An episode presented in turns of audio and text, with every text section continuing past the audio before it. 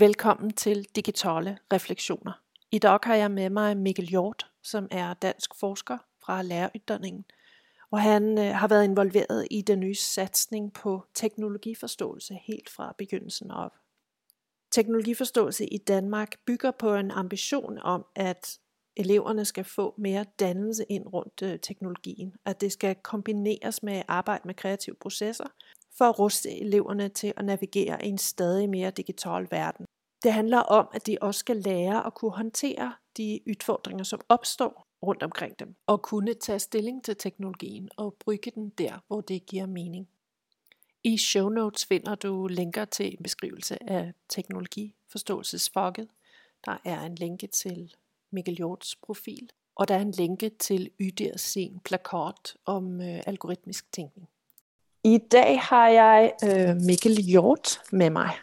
Og Mikkel, du er jo ansat som det, som på norsk hedder førstemanuensis på øh, VIA, som er en øh, dansk professionshøjskole, hvor I blandt andet uddanner lærer.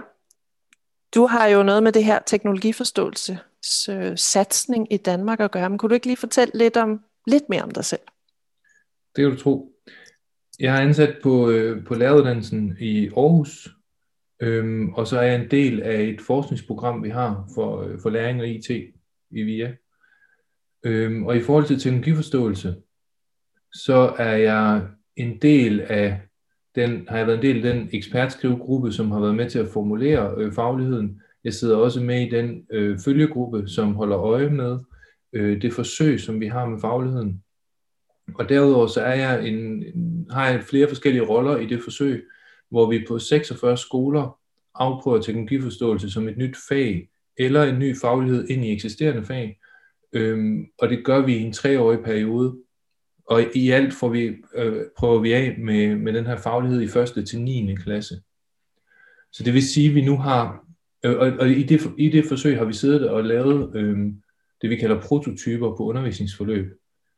Vi har nu lavet 108 forskellige prototyper, og, og de dækker som sagt fra 1. til 9. klasse øh, i teknologiforståelse som et nyt fag i skolen, og teknologiforståelse ind i fagene dansk, øh, matematik, håndværk og design, billedkunst, samfundsfag, fysik, kemi og naturteknologi.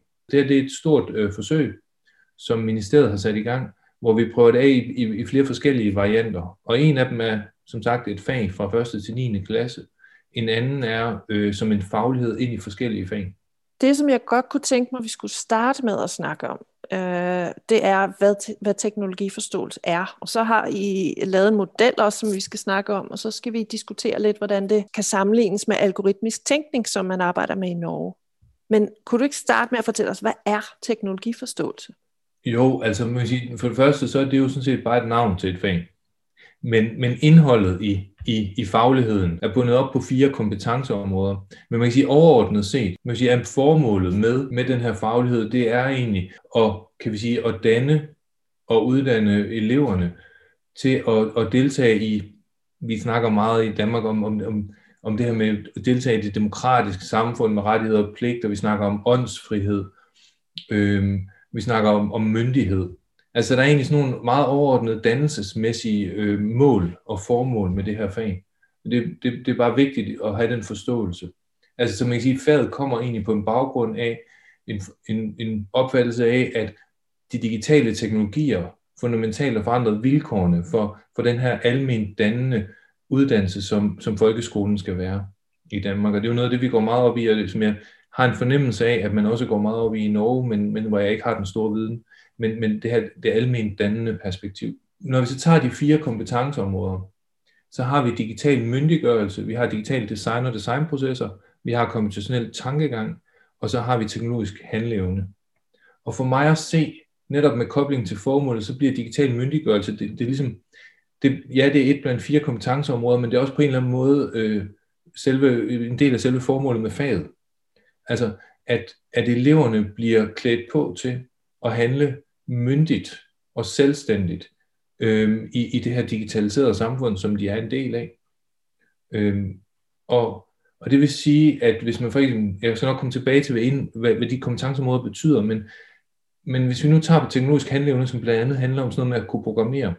Hvis en lærer spørger mig, hvor meget skal mine elever programmere? Skal vi, skal vi lære Python, eller skal vi, øh, skal vi sidde i Scratch med noget blokprogrammering? Men så bliver svaret hele tiden, jamen, de skal lære så meget, som er nødvendigt for deres digitale myndiggørelse. Øhm, og hvis vi så tager kompetenceområdet digital myndiggørelse, så handler det om at kunne, at kunne gå bag om teknologierne. Det handler om at kunne analysere teknologier. Det handler om at, at kunne afmaske, kan man også kalde det, teknologierne. Altså, hvorfor er det, at, at Snapchat har den her funktion, øh, hvor vi kan lave streaks med hinanden og vedligeholde de streaks hver dag? Eller hvorfor er det, at, at diskussionerne på Facebook bliver så polariseret? Eller hvordan en Google Home, den her personlige assistent, fysiske, man kan have i sit hjem, der sidder en knap på, når jeg trykker på den, så er mikrofonen slukket, siger de i hvert fald i manualen, men, men hvordan kan jeg vide, om den mikrofon er slukket eller ej? Hvilke problematikker er der i det? Så det handler om det her med at kunne tage en teknologi, og så, og så kunne gå bag om den. Mm. Se på, det, til dels, hvad siger producenten formålet er, men kan jeg også se nogle andre ting i den, som måske kunne være et formål, og, og, og hvad hedder det, hvad er det, jeg betaler for, og hvad er det, jeg betaler med? Øh, hvornår er det, det er mig, der er produktet, for eksempel? Som er noget af det, vi snakker meget om i, i den her overvågningskapitalisme, eller hvad vi skal kalde øh, den måde, øh, man siger, vi bliver produktet på i mange af de henseender, hvor vi bruger digitale teknologier. Så en forståelse og en dannelse, som gør en til kritisk, øh, kritisk handlende, øh, kritisk, øh, ja ikke forbruger bare, men altså giver en en myndiggørelse, gør en øh, i stand til at forholde sig kritisk ja. og myndigt til det. Mm. Men ikke bare kritisk. Altså jeg mener faktisk, altså jeg sige, det kritiske er en del af det myndige. Men, men jeg mener, myndighed også går på at kunne finde ud af, hvordan kan jeg bruge de teknologier øh, konstruktivt eller til noget positivt i mit liv. Til, til, til, til det, jeg gerne vil med mit liv.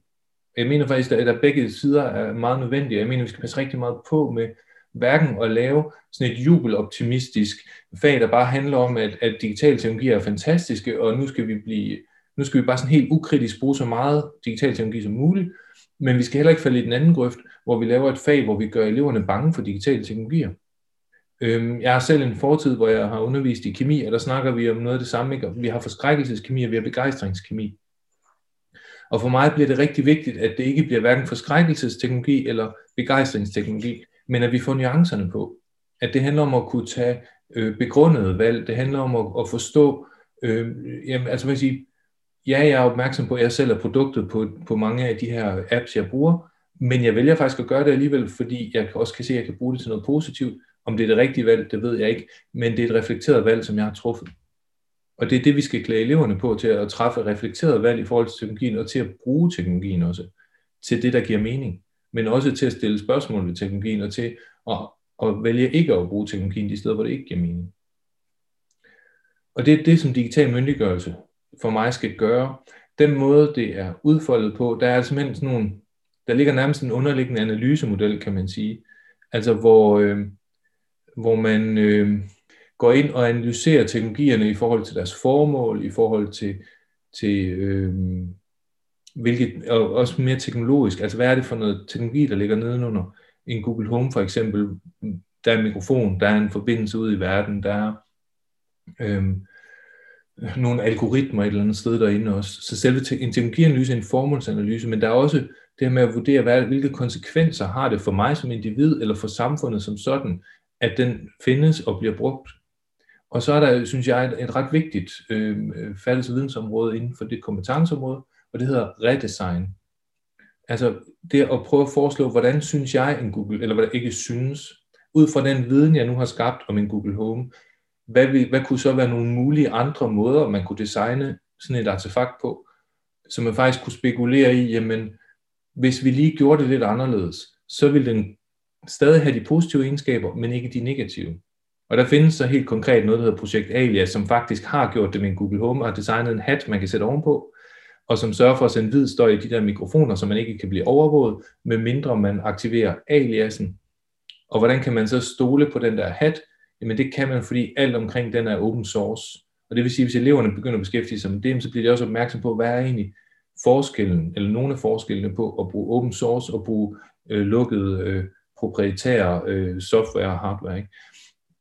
Altså for eksempel det her med at kunne kigge softwaren i kortene, når det er open source. Og det blev lidt teknisk nu, men, men hele pointen er i hvert fald, at eleverne skal klædes på til at tage nogle begrundede valg her. Ikke? Så vi har digital myndiggørelse. Det handler rigtig meget om det. Hvis vi nu tager måske en, det, nogen, det nogen vil se som det modsatte, nemlig teknologisk handleevne, altså det her med at kunne programmere teknologi, kunne koble dem så sammen, kunne sætte lysdioder på, der kommer til at blinke, eller et eller andet, øhm, så er det sådan meget mere sådan en håndværksmæssig ting, kunne sige, eller en praksis, praktisk ting. Det kan være nogle microbits, man, man kobler sammen i et netværk, og man programmerer til, at når når jeg bevæger mig herover, så sker der noget andet i den anden ende af rummet, eller vi kan måske registrere, øh, om eleverne bevæger sig for meget på stolene, og så er der en lampe, der lyser, eller om der er for meget larm i klasserummet. Der kan være mange måder at bruge de her digitale teknologier på. Øh, men, men det kalder vi teknologisk handleevne, altså det der med at kunne rent konkret programmere en dims, sætte den sammen med noget andet, sætte, sætte de ting sammen til et digitalt artefakt. Øhm, så det, der ligesom binder de to ting sammen, vil jeg sige, det er det kompetenceområde, der hedder øh, digital design og designprocesser. For det bliver koblingen imellem at, at, at kunne forholde sig til teknologierne, og så at kunne arbejde med teknologierne. Øhm, fordi det at skabe med teknologier giver ikke i sig selv øhm, anledning til refleksionerne, men i design kompetenceområdet ligger der indbygget sådan et behov for, at, øhm, eller et krav om, at gøre det med en intention, altså vide, hvorfor er det, at jeg laver den her teknologi, hvem er det, jeg laver det her digitale artefakt til, hvem, hvem løser det et problem for, eller hvem imødekommer det et behov for. Man designer noget til nogen, og man tager nogle valg, mens man gør det. Man øver sig i at udøve dømmekraft. Øhm, og det, som jeg har kunne se i noget af den, jeg, det fik jeg ikke sagt i instruktionen, men, men jeg har også forsket i, i øh, digitale designprocesser i makerspaces i Danmark, i skolerne.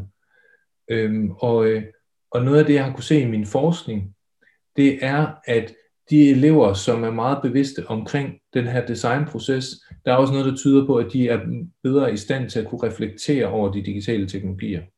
Så det er både noget, der ligger som en, man kan sige, vi kan bygge et argument op omkring det, men jeg kan faktisk også se tendenser til det i dataene. Øhm, altså det her med, at når man tager valg på andres vegne, så bliver man bedre i stand til at kunne forstå, hvordan andre har taget valg på mine vegne. Ikke? Øhm, så der ligger, der ligger, altså det her digitale design og ligger som en kreativ tilgang til teknologi, det er en kreativ øh, og en skabende tilgang. Vi skaber digitale teknologi. Vi, vi sidder ikke bare og programmerer for at lære at programmere. Vi er faktisk i gang med at skabe nogle digitale artefakter til nogen. Men samtidig så er det også en bro til, til refleksionerne over teknologien. Øhm, og så har vi det sidste kompetenceområde, som er konventionel tankegang. Det fik jeg sagt lidt hurtigt, computationel tankegang. Det er en oversættelse af det engelske øh, computational thinking øhm, som mere går på at forstå, hvordan er det egentlig en computer ser verden, eller en computer kan, kan, kan på en eller anden måde skabe mening af data. Øhm, altså hvordan kan en computer kan høste, vi kan høste data med computer, og så kan vi på en eller anden måde systematisere de data, eller prøve at gøre de data til genstand for nogle processer, så det til sidst bliver til, vi kunne sige, information, eller bliver til noget, der siger noget om verden, og hvordan kan man også øh, manipulere verden, eller hvordan kan en computer interagere med verden i virkeligheden. Altså det handler rigtig meget om at, at, at prøve at forstå, hvordan vi kan sige metaforisk forstand, at en computer tænker. Ikke? Øhm, og, og, og der er så nogle, man kan sige, der bliver det måske en eneste mere datalogisk, øh, fagligheden, øh, men det er også noget af det, der gør os i stand til at have nogle reflekterede samtaler omkring for eksempel overvågningsdebatten. Fordi, og der, så er vi tilbage i digital myndigheds, øh, hvad hedder det, myndiggørelses kompetenceområdet, men, men i sådan en overvågningsdebat, der er det jo væsentligt at forstå, hvordan en computer ud fra alle de data omkring os, kan på en eller anden måde sige noget om os. Og, og så er vi over i, i komputationel tankegang. Så det er de fire kompetenceområder. Og der ligger jo øh, dels det med design, som du også lige sagde lidt mere om, men så ligger der jo også den her øh, øh, det, et princip om, at man skal arbejde med virkelige problemer, med wicked problems, hvor der ikke er nogen direkte løsning, og at det skal være, det skal være koblet til en virkelighed. Ikke sandt? Jo, altså, og det man kan sige, altså, det, design, øh, den, den, den design-tradition, som er bygget ind i faget, kan man sige, eller, eller den, den, det designbegreb, som, som det hviler på, øhm, kunne man godt koble op på noget, altså vi har nogle særlige designtraditioner i Danmark, der er noget, en, en kobling måske mellem noget, vi kunne kalde participatory design, og måske noget design thinking, Øhm, men det er i hvert fald i bund og grund, øhm, kan man sige, baseret på øh, det her med, eller der er sådan et udgangspunkt i design, eller man kan sige kernen i sådan noget design, er på mange måder det at løse de her wicked problems, eller tilgå. Man har aldrig løst det, men man, man kommer i hvert fald med nogle bud på, på løsninger. Man er i hvert fald aldrig færdig med at løse et problem. Øh, det er en af, en, en af måderne at tænke omkring wicked problems. Det, der tit bliver misforstået, det er, at man tror, at wicked problems er, skal være nogle meget store problemer. Men der er faktisk en del af den her designforskningslitteratur, der netop går ind og peger på, at wicked problems er faktisk alle problemer, som overhovedet er værd at beskæftige sig med. Øhm, vi kan sågar gå ind og diskutere, hvorvidt 2 plus 2 er et wicked problem. Man kan sige, at hvis du er i matematik øh, i, i skolen, så vil 2 plus 2 typisk være lige med 4. Øh, hvis det ellers ikke er en af de timer, hvor man har med andre talsystemer. Men så længe vi er enige om, at vi er inden for titalsystemet, så har vi et facit, ikke? Øhm, men, men, og pointen er egentlig, at det eneste sted, hvor du finder problemer, som ikke er wicked, det er stort set i skolen. Lige snart at du bevæger dig uden for skolen, så er det meget sjældent, at du oplever, at du har et facit. Hvad hedder det? Tim Brown fra IDEO, der, der ligger en, en, en video med ham, hvor han sidder og snakker med Don Norman om, om det her med wicked problems, og han kommer med eksemplet, øh, jeg tror, det var, vi skal have et middagsselskab, hvem skal sidde ved siden af hvem? Det er et wicked problem.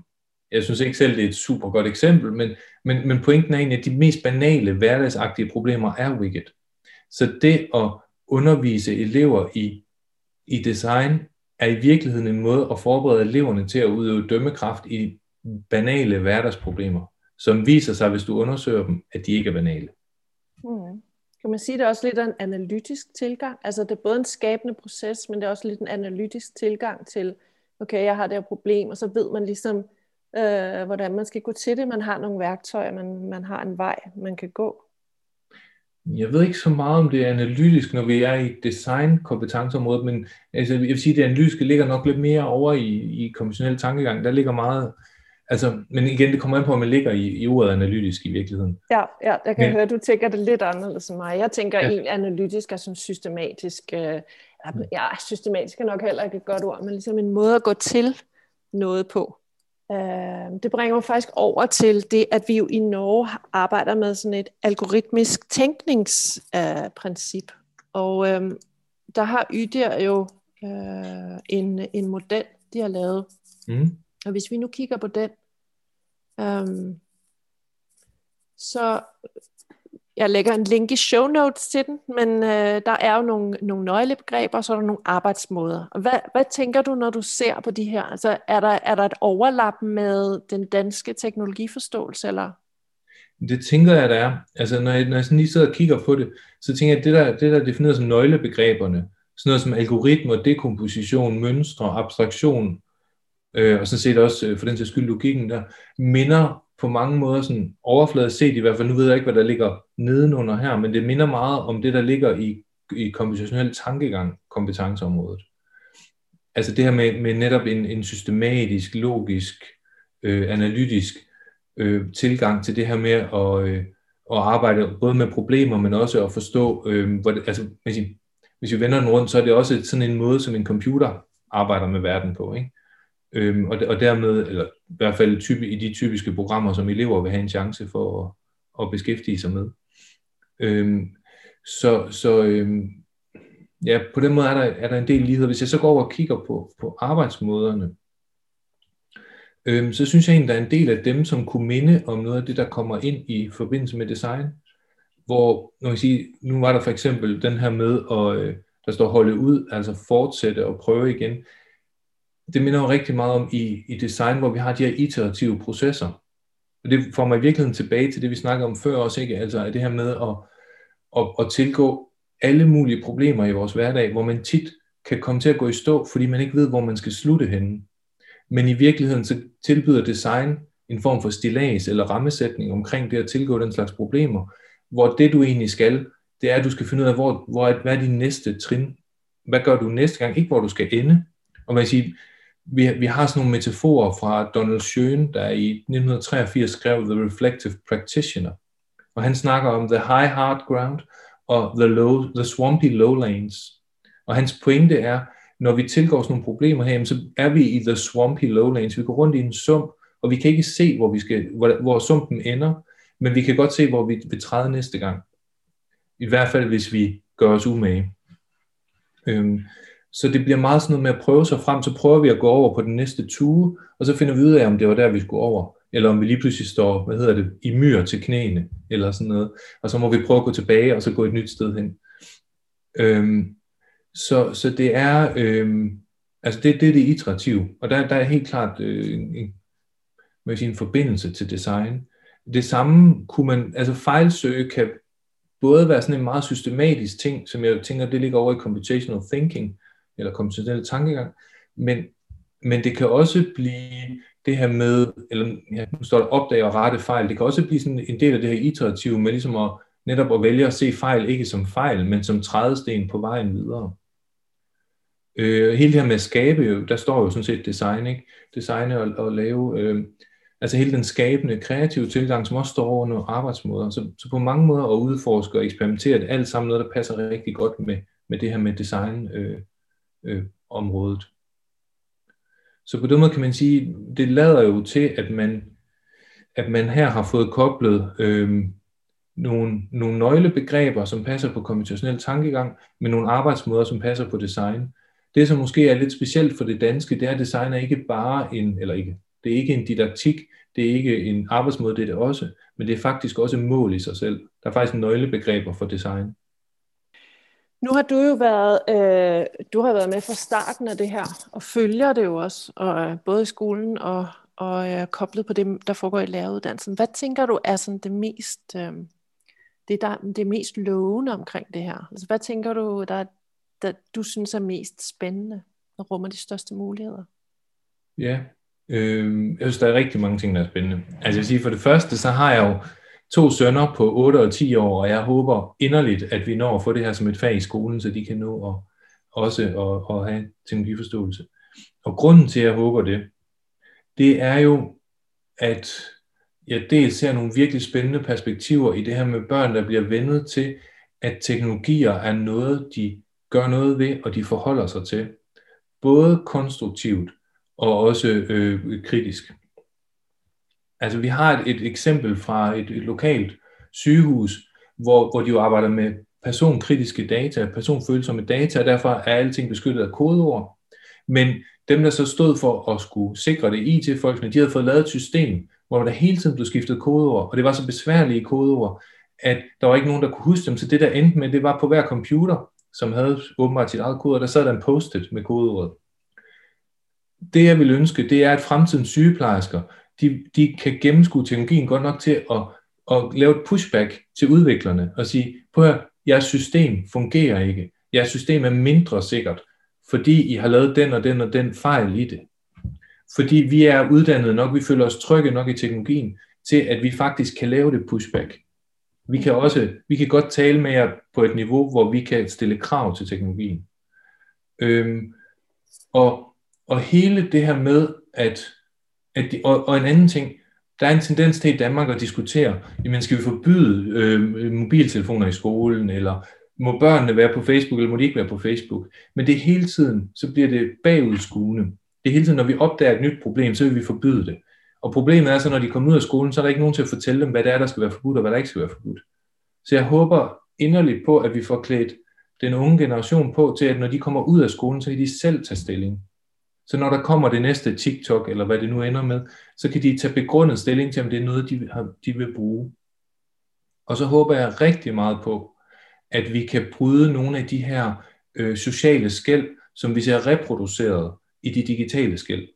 Altså hvor digitale skæld i virkeligheden går ind og forstærker mange af de sociale skæld. Fordi jeg er ikke så bekymret for hvis mine børn, eller, eller, eller i det hele taget børn, der er øh, hvad vil sige, kommer fra, fra, fra stærke hjem, fordi der er nogle forældre, der forhåbentlig kan hjælpe til. Men der, hvor vi ser slagsiden, det er også der, hvor vi ser sociale slagsider i forvejen. Øhm, så, så det handler rigtig meget for mig om det her med en generation, der bliver enormt dygtige til at tage stilling til teknologierne og bruge dem til det, som giver mening.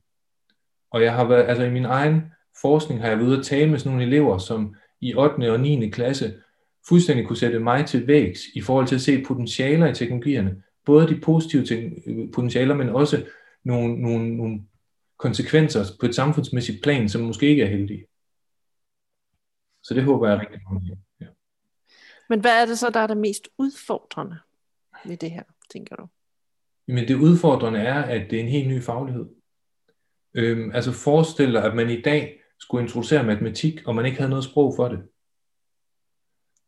Øhm, altså, hvor, hvor starter vi? Hvilke, hvilke lærere har lyst til at tage den her opgave på sig? Fordi vi har behov for at udvikle et helt nyt sprog. Vi har behov for at udvikle en helt ny didaktik. Vi er meget usikre på, hvad indholdet skal være. Så jeg tænker, at vi har en kæmpe opgave her. Øhm, og, og jeg har lige været ved at sidde sammen med nogle andre og, og kortlægge, hvor er vi i forhold til, hvor vi kunne tænke os at være med teknologiforståelse. Øhm, og, og det, er jo, det er jo voldsomme perspektiver i forhold til, hvor mange lærere vi skal have klædt på til en faglighed, vi ikke engang kender endnu. Altså som vi er i gang med at eksperimentere med, og vi, jeg synes, vi har nogle rigtig gode bud på, på, på nogle dele af det, og så er der nogle andre steder, hvor vi har et stort behov for justeringer. Så, så jeg tænker, at der er en meget stor udfordring der. Og vi har, øh, vi har også brug for, der er også en udfordring i forhold til at koordinere med, hvad der sker på gymnasiet for eksempel. Altså fordi lige nu der er der meget stor, stor forskel, eller ikke meget stor, det passer ikke, men, men der, er, der er forskelle i, hvad, hvad man, hvilken retning man ligesom vælger, øh, og hvad det er, man har fokus på. Jeg synes, det er nogle meget spændende perspektiver, der ligger i, i det her projekt, og tanker, som er, øh, som er bagt ind i det. Øhm, og det var, øh, jeg vil bare sige tusind tak, fordi du vil øh, fortælle, hvad det er teknologiforståelse i Danmark. Tak, Mikkel. Jamen, selv tak, og, jeg, og, og, og vi har jo rørt ved overfladen, krasset i overfladen. Ja. Jeg skal gerne mere på et senere tidspunkt.